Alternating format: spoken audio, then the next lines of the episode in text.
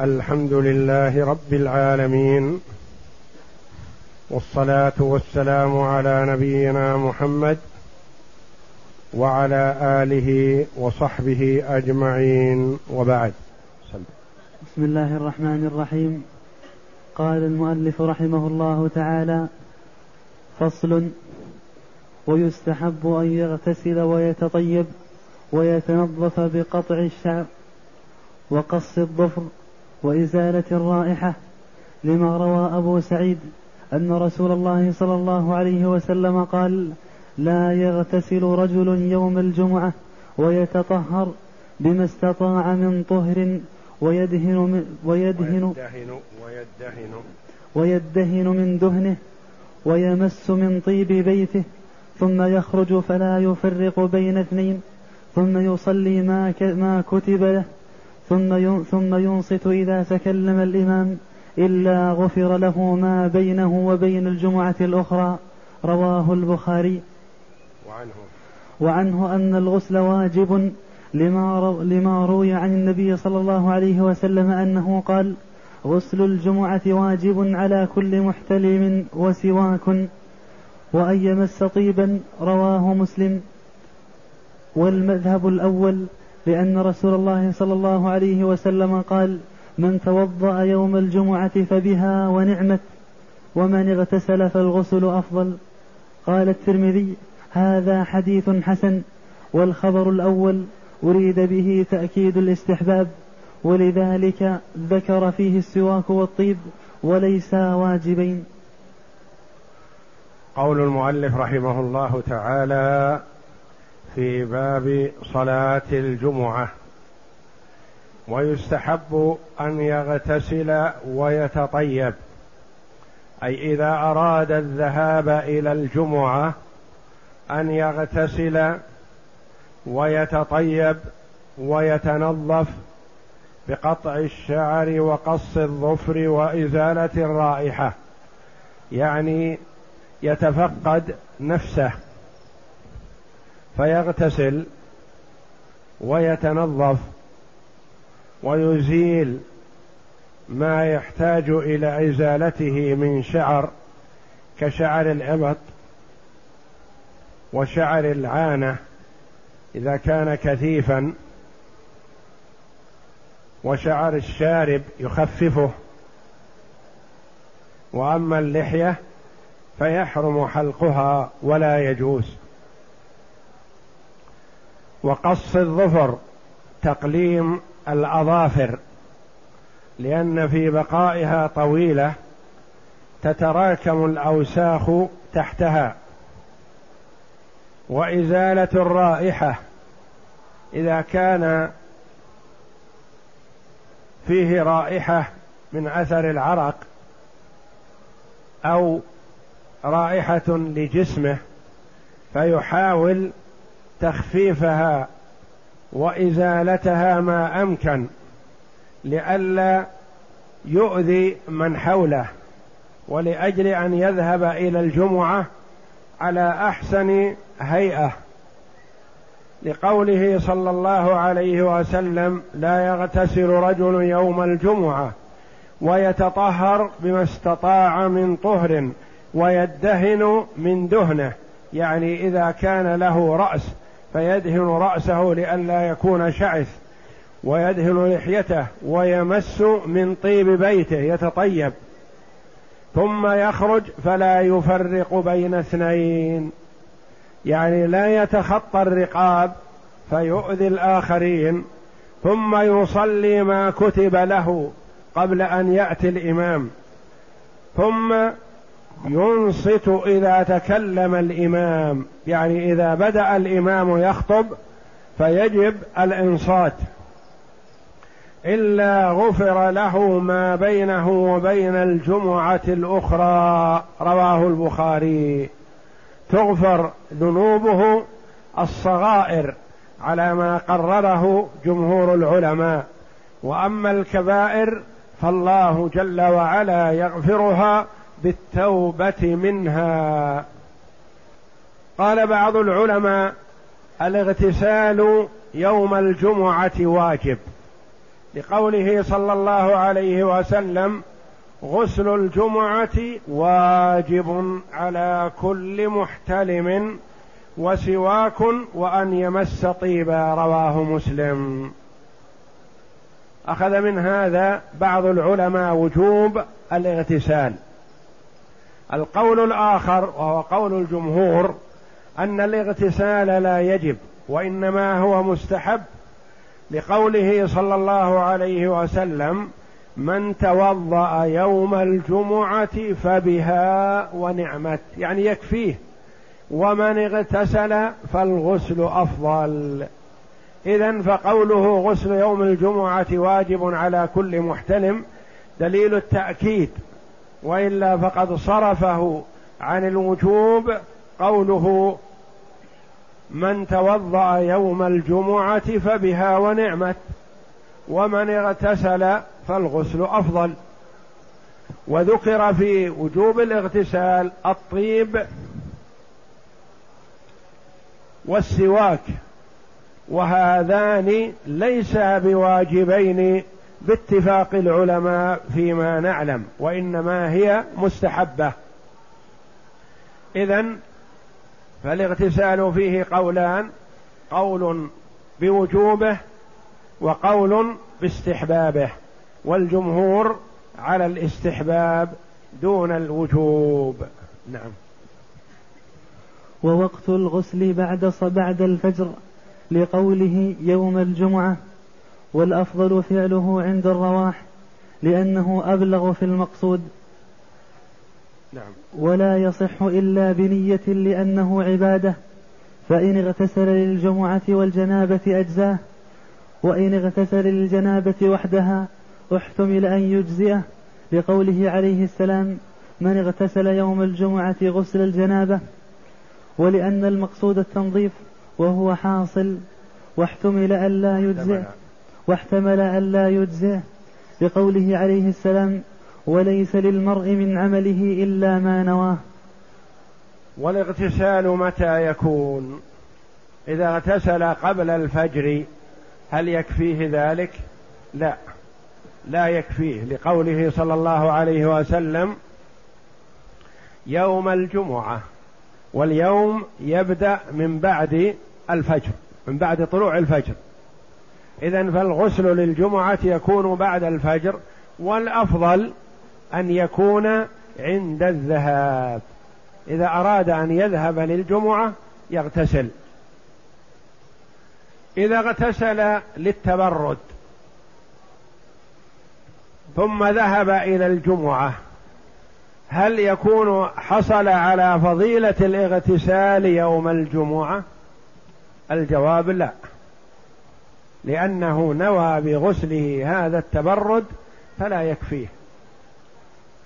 إذا اغتسل للجنابة والجمعة هل يكفيه؟ نعم. إذا اغتسل للجنابة فقط ونسي الجمعة هل يكون حصل على فضيلة الاغتسال يوم الجمعة؟ قولان. القول الأول يكفيه لأن غسل الجمعة مسنون وغسل الجم وغسل الجنابة واجب فدخل الواجب المسنون ضمن الواجب. ولقوله صلى الله عليه وسلم في الحديث اغتسل غسل الجنابة اغتسل للجمعة غسل الجنابة. القول الثاني أنه لا يكفيه هل يلزمه أن يغتسل اغتسالين؟ لا. وإنما ينوي به ذلك. ينوي به غسل الجمعة وغسل الجنابة فيكفيه ويحصل على فضيلة الاثنين. لأن المرء بحسب نيته إذا نوى شيئا فله. نوى أكثر من شيء فله ذلك.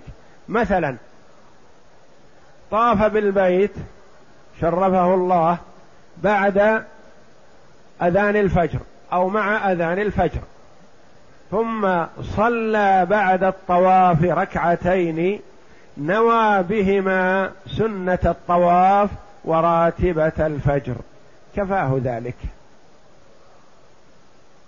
دخل ظهرا وطاف بالبيت. ثم صلى بعد الطواف. نوى به تحية المسجد وسنة الطواف. وراتبة الظهر كفاه ذلك. حصل على ثواب الثلاثة. توضأ وطاف ونوى به سنة الوضوء وسنة الطواف. وتحية المسجد وراتبة الظهر. حصل له ذلك بحسب نيته فإذا نوى شيئا ما فله ذلك.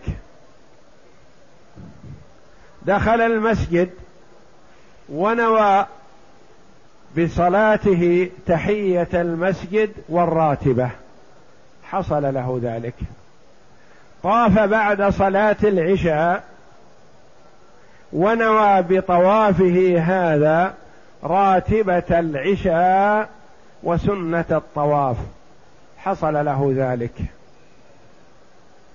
وهكذا فبحسب نية المرء تتداخل العبادات المتشابهة المتماثلة بشيء واحد يحصل به ثواب الجميع ولله الحمد.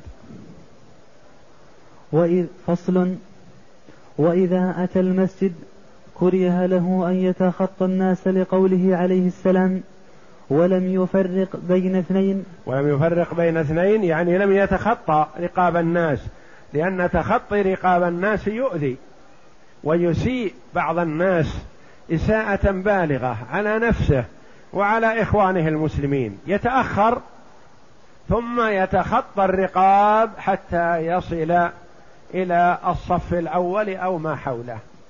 إذا كنت أخي حريصا على الصف الأول فلم لا تتقدم يا أخي؟ تؤذي الناس وتؤذي نفسك.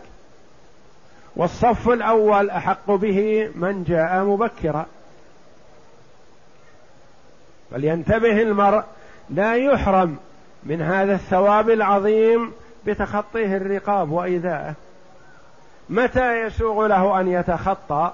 إذا كان في الأمام فسحة وتركها الناس ورغبت فيها فلا بأس عليك بالتخطي حينئذ لأنهم هم ضيعوا حق أنفسهم. هم تركوا الفرج في الأمام فتقدمت أنت إليها فلا حرج. لكن لم يكن هناك فرج وإنما تريد أن تؤذي بالتخطي ثم تؤذي المتقدمين هذا ما يليق منك. قد تحرم من ثواب الجمعة بإيذائك هذا وأنت لا تشعر. وأنت عندك الرغبة والحرص تقدم يا أخي. لا تتأخر فتؤذي نفسك وتؤذي الآخرين وتحرم من ثواب الجمعة. نعم. إلا أن يكون إماما ولا يجد طريقا فلا بأس. إلا أن يكون إمام الإمام من حقه أن يتقدم إذا لم يوضع له طريق. نعم. فلا بأس بالتخطي لأنه موضع حاجة. ومن لم يجد موضعا إلا فرجة لا يصل إليها إلا بتخطي الرجل أو والرجلين فلا بأس. انظر تخطي الرجل والرجلين لا يتخطى الناس كلهم. إذا وجد فرجة بينه وبينها صف أو صفين فلا بأس أن يتقدم لأجل هذه الفرجة لأنهم تركوها. لكن لم يكن هناك فرجة وإنما لأجل أن تتخلخل بين الناس هذا ما يليق. نعم. وإن تركوا أول المسجد فارغا وجلسوا دونه فلا بأس بتخطيتهم. إذا تركوا المكان فاضي كما يفعل بعض الناس يصفون عند الأبواب ويضيقون المداخل ويتركون مقدمة المسجد فاضية. هذا لا يليق. وحينئذ لا بأس بالتخطي حينئذ لأنهم هم ضيعوا حق أنفسهم. و والنبي صلى الله عليه وسلم قال تقدموا فأتموا بي وليأتم بكم من بعدكم. فإنه لا يزال قوم يتأخرون حتى يؤخرهم الله. لا يجوز للمسلم ولا ينبغي للمسلم أن يصف عند الأبواب ويترك الأماكن الواسعة الأمامية خالية. نعم. لأنهم ضيعوا حق أنفسهم حق نفوسهم. وإن ازدحم الناس في المسجد وداخله اتساع فلم يجد الداخل لنفسه موضعا. فعلم أنهم إذا قاموا تقدموا جلس حتى يقوموا وإن لم يرج ذلك فله تخطيته تخطيتهم فله تخطيهم. فله تخطيهم لأنه موضع حاجة. انظر أخي إذا كان الناس صفوا متأخرين بمؤخرة المسجد ومقدمة فاضية ويعلم أنها إذا أقيمت الصلاة تقدموا قال لا يتخطى الرقاب. لأنه جاء متأخر فيكون وراءهم. فإذا تقدموا تقدم. لكن إذا علم أنهم لا يتقدمون فليتخطى الرقاب وليصل إلى الأماكن الأمامية. أما إذا علم أنهم سيسدون الفرج الداخلية فلا ينبغي له أن يتخطى. كما هو الحال بعض الأحيان تكون يكون في الصفوف فرج ومن المعلوم أنها إذا أقيمت الصلاة سدت الفرج. يأتي شخص متأخر فيتخطى الرقاب لأجل أن يسد هذه الفرج لا. ينتظر ويصف حيث انتهى الصف. نعم. وليس لأحد أن يقيم غيره ويجلس مكانه. لما روى ابن عمر أن النبي صلى الله عليه وسلم قال لا يقيم الرجل الرجل من مقعده ويجلس فيه. متفق عليه. ولا يجوز أن يقام من تقدم إلى الصف. يقال له قم وارجع إلى الخلف. لا يجوز هذا لأن هذا هو أحق به. وهو ومن أقامه فقد اغتصب مكانه عبارة. وحينئذ يكون مشكوك في صحة صلاته لأن مكانه مغتصب. فمن يتقدم إلى الصف هو أحق به. ولا يجوز إقامته إلا بإذن منه. إذا أذن فلا بأس بذلك. وأما إذا لم يأذن فهو صاحب المكان. نعم. وإن قام له رجل من مكانه وأجلسه فيه جاز لأن الحق له لكن إذا كان المنتقل ينتقل إلى موضع أبعد من موضعه كره له لما فيه من الإيثار بالقربة إذا قام له شخص وجعل له مكانه فلا بأس بذلك. لكن لا ينبغي للقائم أن يقوم لشخص آخر إذا كان سيرجع إلى الخلف. يعني يفسح لأخيه هذا حسن لكن تجعل أخاك في الصف الأول وترجع أنت وراء لا هذا ما يليق منك أنت. هو يريد ذلك. ولا حرج عليه ما دمت أنت الذي جعلته فيه. لكن كونك ترجع أنت إلى الخلف لا يليق. لأن هذا من الإيثار بالقرب. الإيثار بأمور الدنيا هذا حسن. لكن الإيثار بالقربة لا. لأن ابن عباس رضي الله عنهما لما شرب النبي صلى الله عليه وسلم من الماء وكان على يمين ابن عباس وعلى يساره أبو بكر وعمر رضي الله عنهم قال أتأذن؟ أعطي الشيخين. قال لا والله يا رسول الله لا آذن لا, لا أعطي نصيبي منك أحد. فأعطاه النبي صلى الله عليه وسلم الماء يشرب قبل أبي بكر وعمر. وحمده النبي صلى الله عليه وسلم على هذا ما لامه وهو ابن عمه وهو شاب صغير دون العشر سنوات أو ناهز العشر أو ناهز البلوغ. فأعطاه النبي صلى الله عليه وسلم الإناء ولم يلمه ولم يقل قدم هذين. فلا ينبغي للشخص أن يقدم مثلا في الأعمال التي يتقرب بها إلى الله جل وعلا غيره. أما أن يفسح لأخيه فحسن لكن يجعله في مكانه الذي هو فاضل ويرجع إلى مكان مفضول لا ينبغي مثل هذا. نعم. ولو قدم رجل غلامه فجلس في موضعه فإذا جاء قام الغلام وجلس مكانه فلا بأس به. هذا لا بأس أن يرسل الشخص أحدا يحتجز له المكان على قدره. فإذا جاء رجع الغلام أو الولد إلى الخلف وصف الرجل في مكانه لأنه ورد أن محمد بن سيرين رحمه الله كان يفعل ذلك. وأما أن يحتجز أكثر من مكان فلا لا يحتجز المرء لغيره وهو لم يحضر. نعم. كان ابن سيرين يفعله؟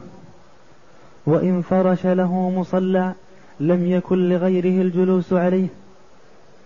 وهل لغيره رفعه والجلوس في موضعه؟ فيه فيه وجهان. إذا كان للرجل فراش يصلي فيه هذا الفراش لا يخلو.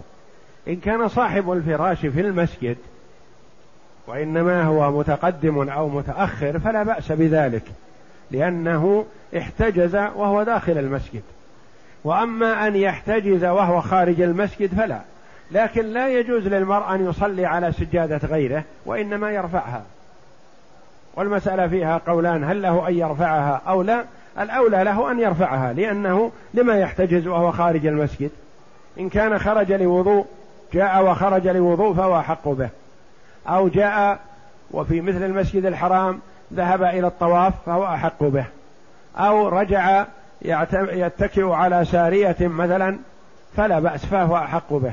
وأما إذا كان الفراش له وهو خارج المسجد بلا حاجة فليس له فيه حق.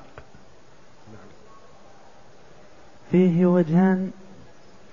وإن قام الجالس في موضعه لحاجة ثم عاد إليه فهو أحق به. لما روى أبو هريرة قال قال رسول الله صلى الله عليه وسلم إذا قام أحدكم من مجلسه ثم رجع إليه فهو أحق به. رواه مسلم. إذا كان المرء في مكان ثم ذهب ليتوضأ أو قام ليأخذ مصحف أو ذهب ليطوف ورجع فهو أحق بمكانه ما دام أنه داخل المسجد أو قام لحاجة سريعة كالوضوء ونحوه. نعم. وإن نعس فأمكنه التحول إلى مكان لا يتخطاه فيه أحد. استحب له ذلك. لما روى ابن عمر قال سمعت رسول الله صلى الله عليه وسلم يقول إذا نعس أحدكم يوم الجمعة في مجلسه فليتحول إلى غيره من المسند وهو حديث صحيح. يعني إذا أصابه النعاس والنوم وهو في مكان في الصف ثم تأثر من هذا فعليه يستحب له أن يتحول لأنه بانتقاله من مكان إلى مكان ربما يتجدد نشاطه فيذهب عنه النوم. ولقوله صلى الله عليه وسلم إذا نعس أحدكم يوم الجمعة في مجلسه فليتحول إلى غيره. نعم. فصل. ويستحب الدنو من الإمام. لقول رسول الله صلى الله عليه وسلم من غسل يوم الجمعة واغتسل وبكر وابتكر ومشى ولم يركب ودنا من الإمام واستمع ولم يلغ كان له بكل خطوة عمل عمل سنة. أجر صيامها وقيامها رواه ابن ماجة والنسائي. والترمذي وأبو داود. ولا يستحب الدنو من الإمام. يستحب أن يقرب لأنه كلما تقدم فهو أفضل. لقول رسول الله صلى الله عليه وسلم من غسل يوم الجمعة واغتسل. غسل واغتسل. قال بعض العلماء غسل يديه واغتسل. وقال بعضهم غسل زوجته جعلها تغتسل يعني من الجنابة. واغتسل هو. وبكر وابتكر. بكر جاء في أول البكور في أول النهار. وابتكر قيل إنه معناه خرج مبالغ في التبكير. يعني لم ينتظر إلى قرب الزوال. قوله ابتكر أي بالغ في التبكير أي جاء في أول البكرة. على ما قاله امرؤ القيس تروح من الحي أم تبتكر يعني تذهب مبكرة. وقيل معناه ابتكر العبادة مع بكوره وقيل ابتكر الخطبة يعني حضر الخطبة من أولها. قال ذلك في الشرح الكبير. ولعل الأقرب والله أعلم البكور المجيء مبكرا في أول الصباح. ليتوافق مع قوله صلى الله عليه وسلم من جاء في الساعة الأولى فكأنما قرب بدنه ومن جاء في الساعة الثانية فكأنما قرب بقرة ومن جاء في الساعة الثالثة فكأنما قر كبشا ومن جاء في الساعة الرابعة فكأنما قرب دجاجة ومن جاء في الساعة الخامسة فكأنما قرب بيضة. ثم ينتهي التقريب ويبقى الوجوب. لا فضل في هذا وإنما هذا واجب.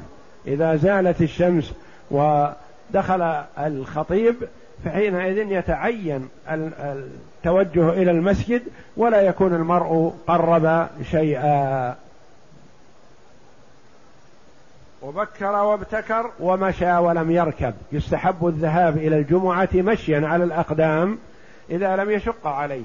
أما إذا كان بعيدا وشق عليه فلا حرج عليه في الركوب. ودنا من الإمام هذا هو الشاهد يعني قرب من الإمام. واستمع ولم يلغو لم يحصل منه لغو. وقد قال النبي صلى الله عليه وسلم من مس الحصى فقد لغى. ومن قال لصاحبه أنصت يوم الجمعة فقد لغى. يعني إذا دخل الإمام وبدأ بالخطبة فيحسن الصمت. حتى لو كان بجوارك شخص أو أشخاص يتحدثون لا تخاطبهم أو لا تقل لهم اسكتوا بالنطق فتكونوا مثلهم. وإنما أشر إليهم إشارة بالأصبع. وجههم وانصحهم بالسكوت بالإشارة. ضع الأصبع على الفم إشارة إلى الصمت. وأما المخاطبة فلا يحسن أن تخاطبهم ولا يحسن أن تعبث بالأرض ولا بسجادة ولا بنحوها. لقوله صلى الله عليه وسلم من مس الحصى فقد لغى. لأنه بهذا يشغل نفسه ويشغل الآخرين. وإن حضر كان له بكل خطوة عمل سنة. هذا ثواب عظيم. والله جل وعلا ذو الفضل العظيم.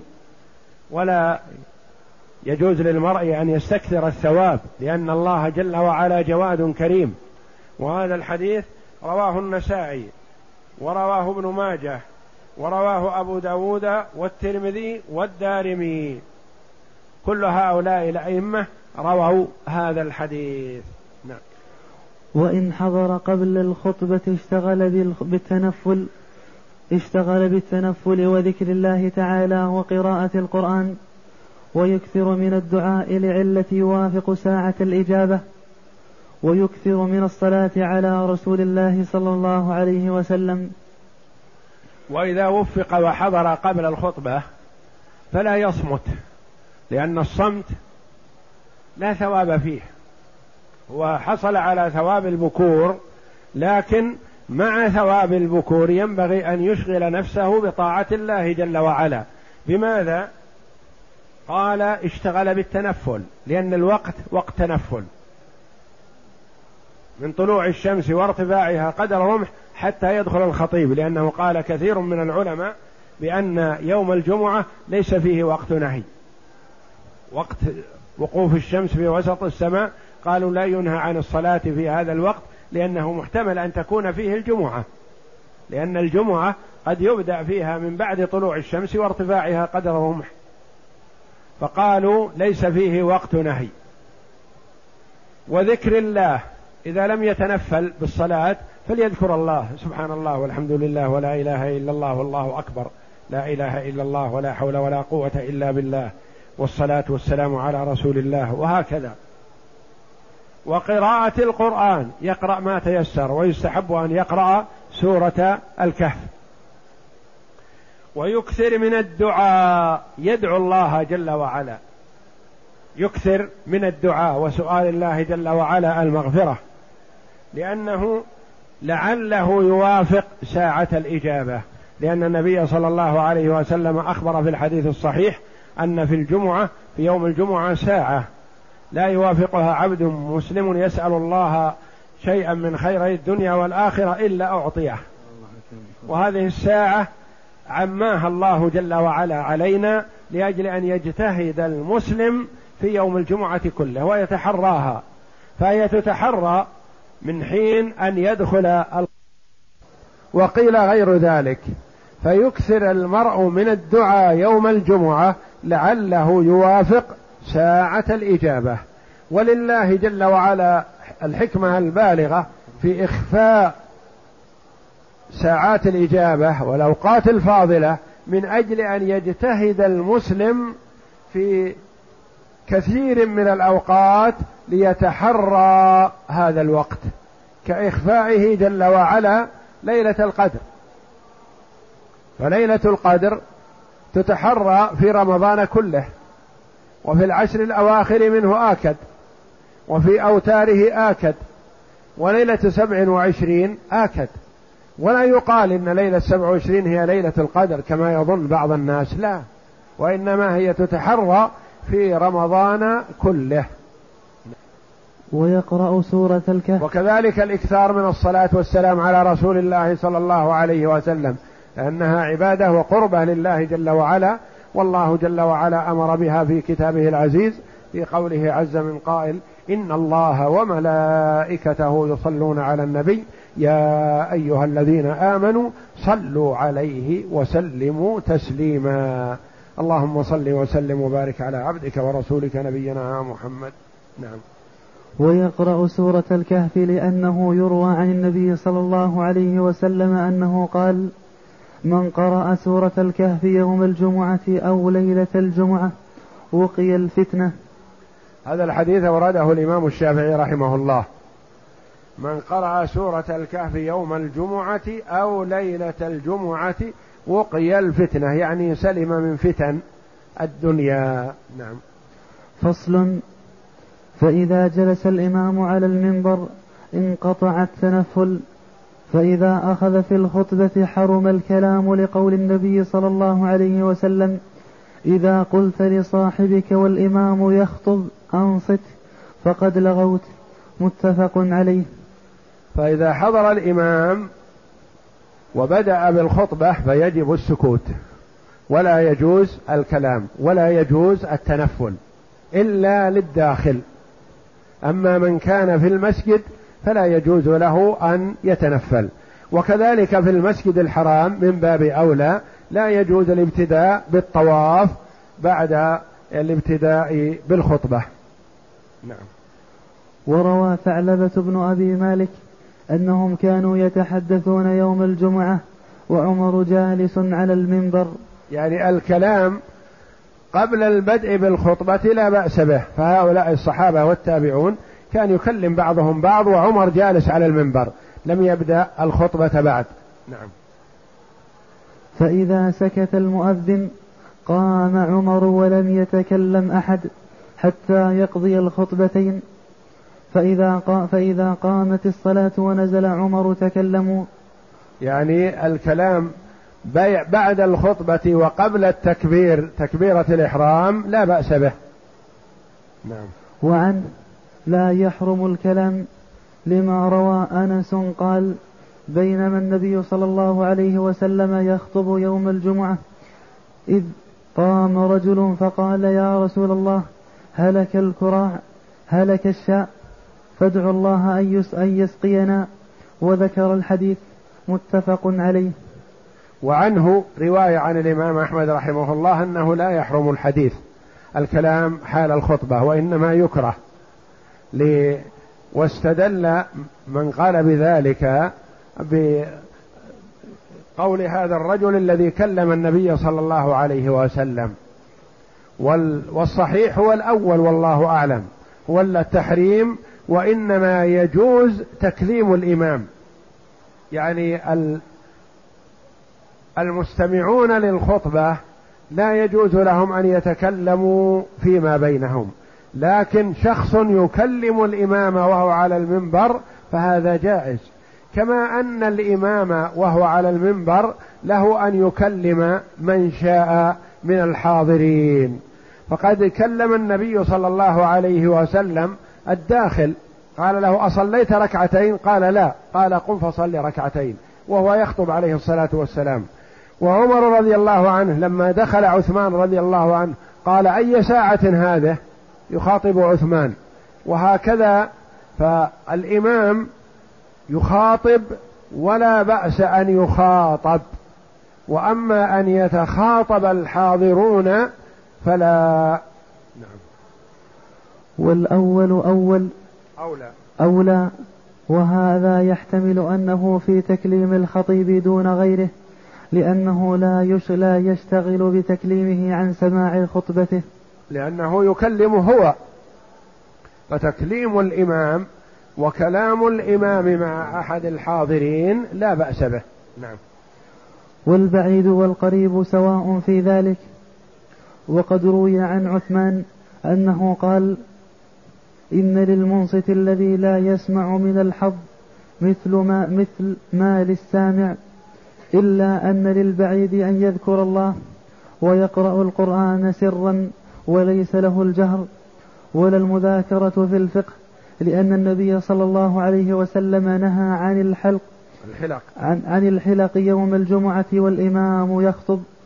وروى أبو داود والنسائي عن عمر عن عمرو بن شعيب عن أبيه عن جده أن النبي صلى الله عليه وسلم نهى عن التحلق يوم الجمعة قبل الصلاة. ومن يسمع ومن يسمع متكلما لم ينمو بالقول للخبر ولكن يشير إليه ويضع أصبعه على فيه. وإن وجب الكلام مثل تحذير مثل تحذير ضرير شيئا مخوفا فعليه الكلام لأنه لحق لأنه لحق آدمي. لأنه لحق آدمي.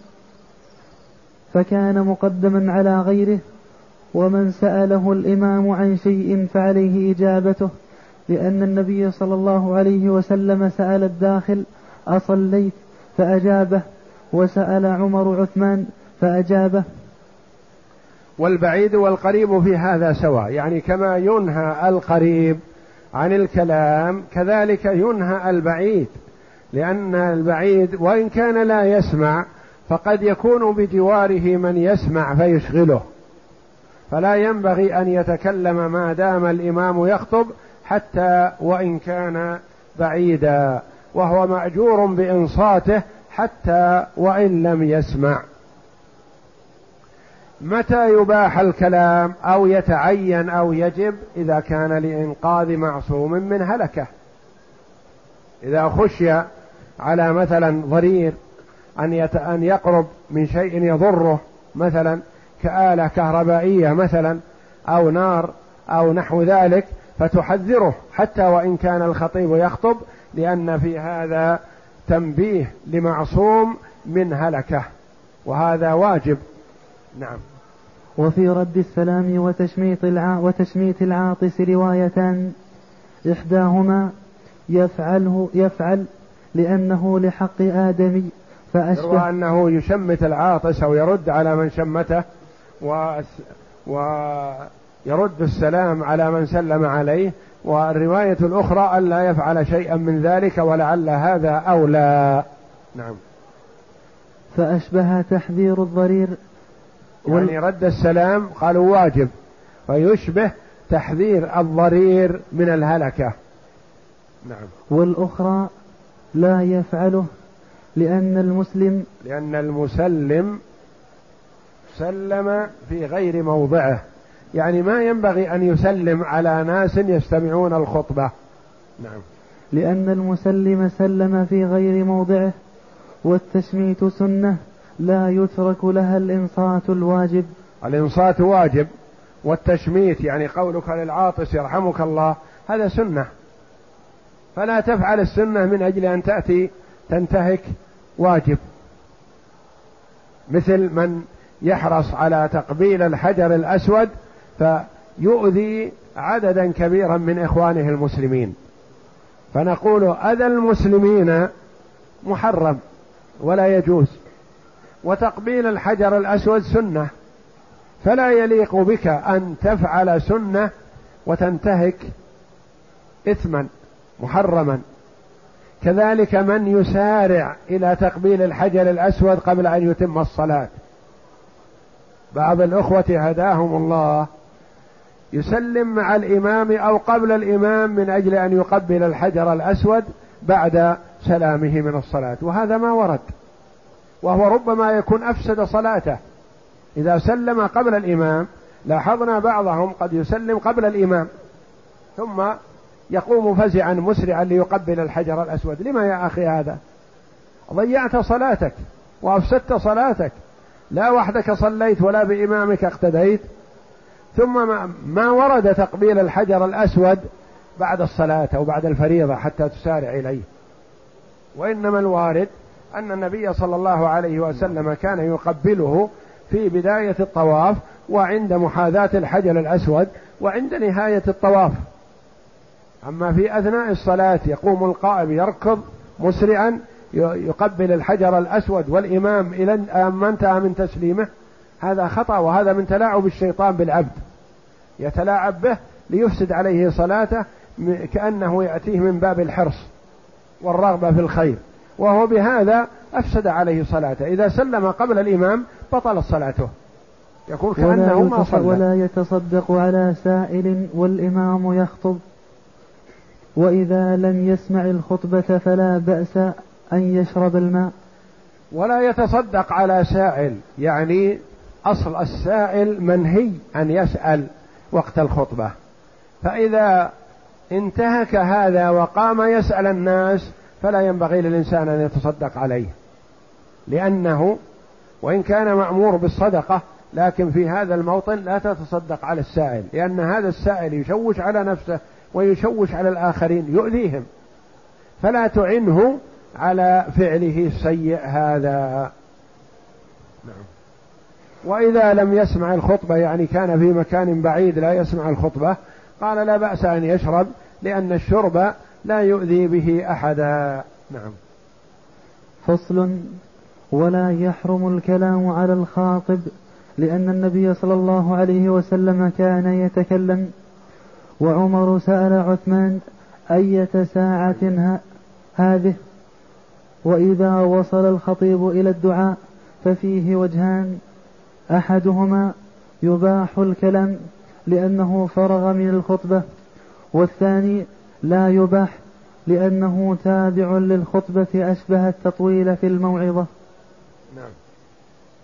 إذا وصل الخطيب إلى الدعاء يقال انتهت الخطبة. فحينئذ قال بعض العلماء يجوز الكلام حينئذ وبعضهم قال لا يجوز لأن هذا متصل بالخطبة ومتمم لها. نعم. فصل. ومن دخل والإمام يخطب لم يجلس حتى يركع ركعتين. يوجز فيهما لما روى جابر قال دخل رجل والنبي صلى الله عليه وسلم يخطب فقال صليت يا فلان. قال لا.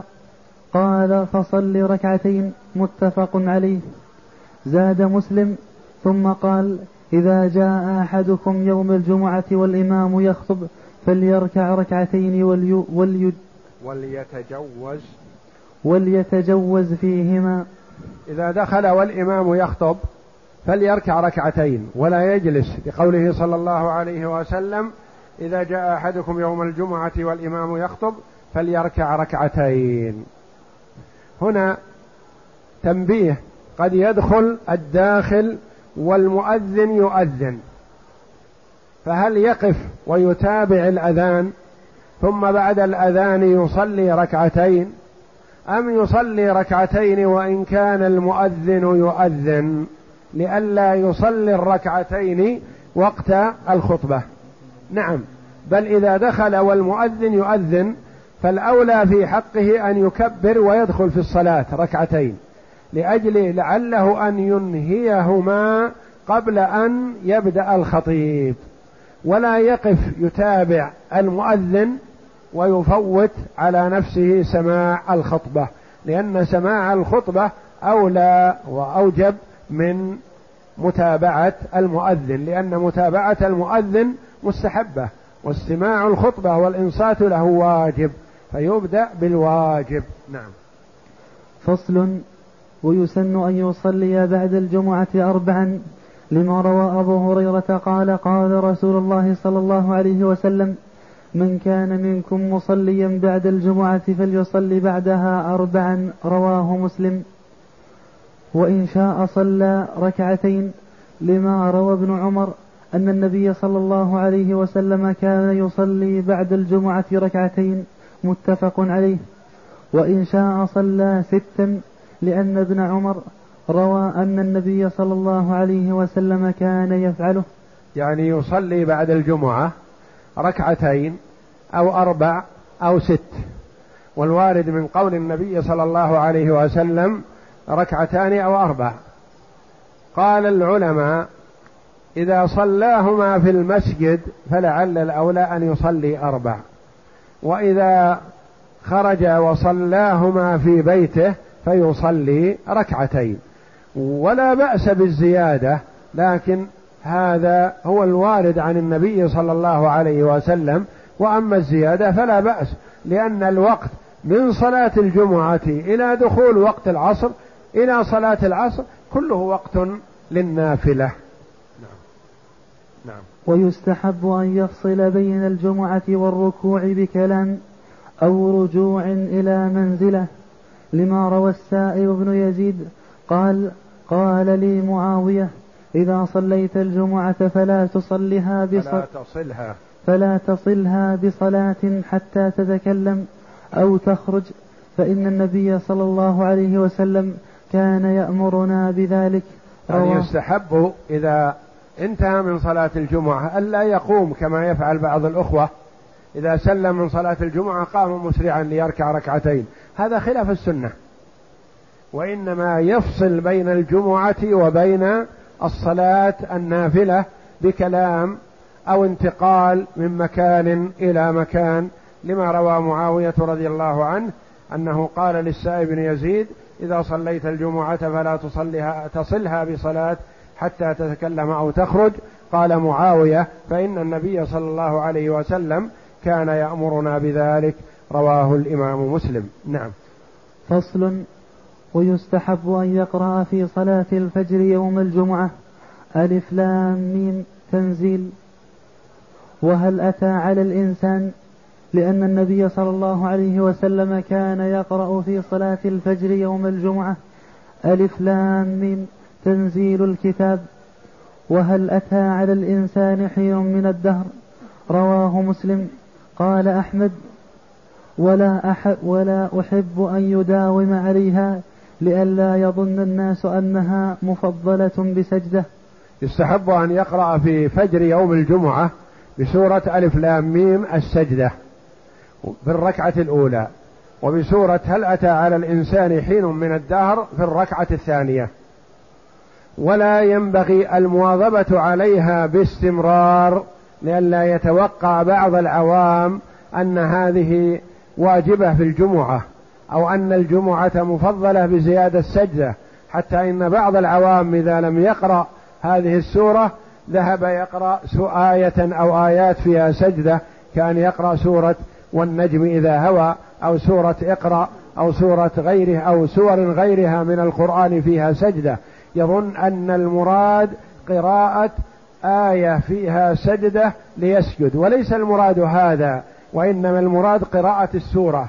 ولا يصيب السنة من قرأ بعض السورة في الركعة الأولى وبعضها في الركعة الثانية.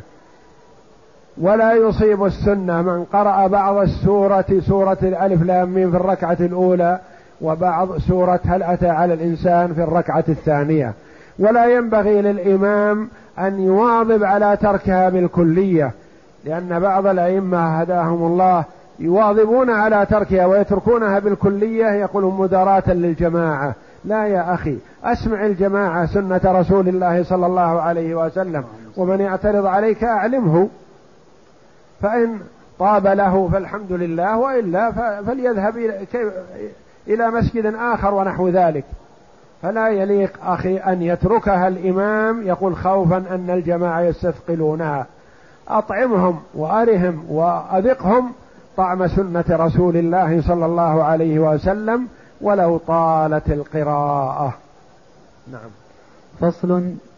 وإذا اتفق عيد في يوم جمعة فصلوا العيد لم تلزمهم الجمعة ويصلون ظهرا لما روى زيد بن أرقم قال شهدت مع رسول الله صلى الله عليه وسلم عيدين اجتمعا في يوم فصلى العيد ثم رخص في الجمعة فقال من شاء أن يجمع فليجمع. أن يجمع فليجمع. من شاء أن يجمع فليجمع. وعن أبي هريرة عن رسول الله صلى الله عليه وسلم أنه قال اجتمع في يومكم هذا عيدان فمن شاء أجزأه. فمن شاء أجزأه من الجمعة وإنا مجمعون إن شاء الله. رواهما أبو داود. إذا اتفق مثلا يوم عيد الإضحى أو يوم عيد الفطر يوم جمعة فمن حضر العيد سقط عنه حضور الجمعة ولا تسقط عنه صلاة الظهر وإنما يسقط عنه حضور الجمعة. إلا الإمام قالوا الإمام لازم أن يحضر لصلاة الجمعة ويخطب لأنه قد يوجد من لا يحضر صلاة العيد فيفوت عليهم.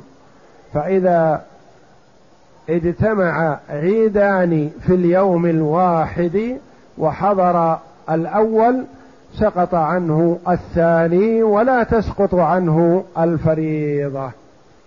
لقوله صلى الله عليه وسلم في لزوم حضور الإمام للجمعة وإنا مجمعون إن شاء الله. يعني أنتم أيها الحاضرون من أراد منكم أن يحضر فليحضر. وأما هو صلى الله عليه وسلم فإنه سيحضر لقوله وإنا مجمعون إن شاء الله. نعم. وتجب الجمعة على الإمام لقول النبي صلى الله عليه وسلم إنا مجمعون ولأن تركها له منع لمن يريدها من الناس وعن لا تجب لأن ابن الزبير لم يصلها وكان إماما ولأن الجمعة إذا سقطت عن المأمومين سقطت عن الإمام كحالة السفر. قالوا القول الآخر أنها تسقط كذلك عن الإمام. لأنه ما دام أنه حضر العيد فهو كأي واحد من الجماعة الذين يسقط عنهم حضور الجمعة. لكن لا ينبغي أن يخلى الجامع من صلاة جمعة لأنه قد يوجد من لم يحضر صلاة العيد فيأتي فلا يجد من يجمع به. نعم. فإن عجل الجمعة في وقت العيد أجزأته. عن العيد والظهر. إذا عجل الجمعة لأنه كما تقدم لنا أن وقت صلاة الجمعة يبدأ عند كثير من العلماء بوقت صلاة العيد وينتهي بوقت صلاة بدخول وقت صلاة العصر. وقد اتفق العلماء على نهاية صلاة الجمعة أنه بنهاية وقت صلاة الظهر ودخول وقت صلاة العيد. واختلفوا في بدء وقت صلاة الجمعة فقيل بعد الزوال يعني بدخول وقت صلاة الظهر وقيل بعد طلوع الشمس وارتفاعها قدر رمح أي بدخول وقت صلاة الضحى وصلاة العيد. نعم. في ظاهر كلامه لما روى عطاء قال اجتمع يوم جمعة ويوم فطر على عهد ابن الزبير فقال فقال عيدان قد اجتمعا في يوم واحد فجمعهما وصلاهما ركعتين فلم يزد عليهما حتى صلى العصر وبلغ فعله وبلغ فعله ابن عباس فقال أصاب السنة. نعم. ابن الزبير رضي الله عنه صلى الجمعة بعد طلوع الشمس وارتفاعها قدر رمح في يوم عيد ثم لم يصلي بعد ذلك إلى العصر. يعني اكتفى بصلاة الجمعة عن صلاة العيد وأدى الجمعة في وقت صلاة العيد. ولا يجوز الاكتفاء بصلاة العيد عن صلاة الجمعة. والله أعلم. وصلى الله وسلم وبارك على عبد ورسول نبينا محمد وعلى آله وصحبه أجمعين.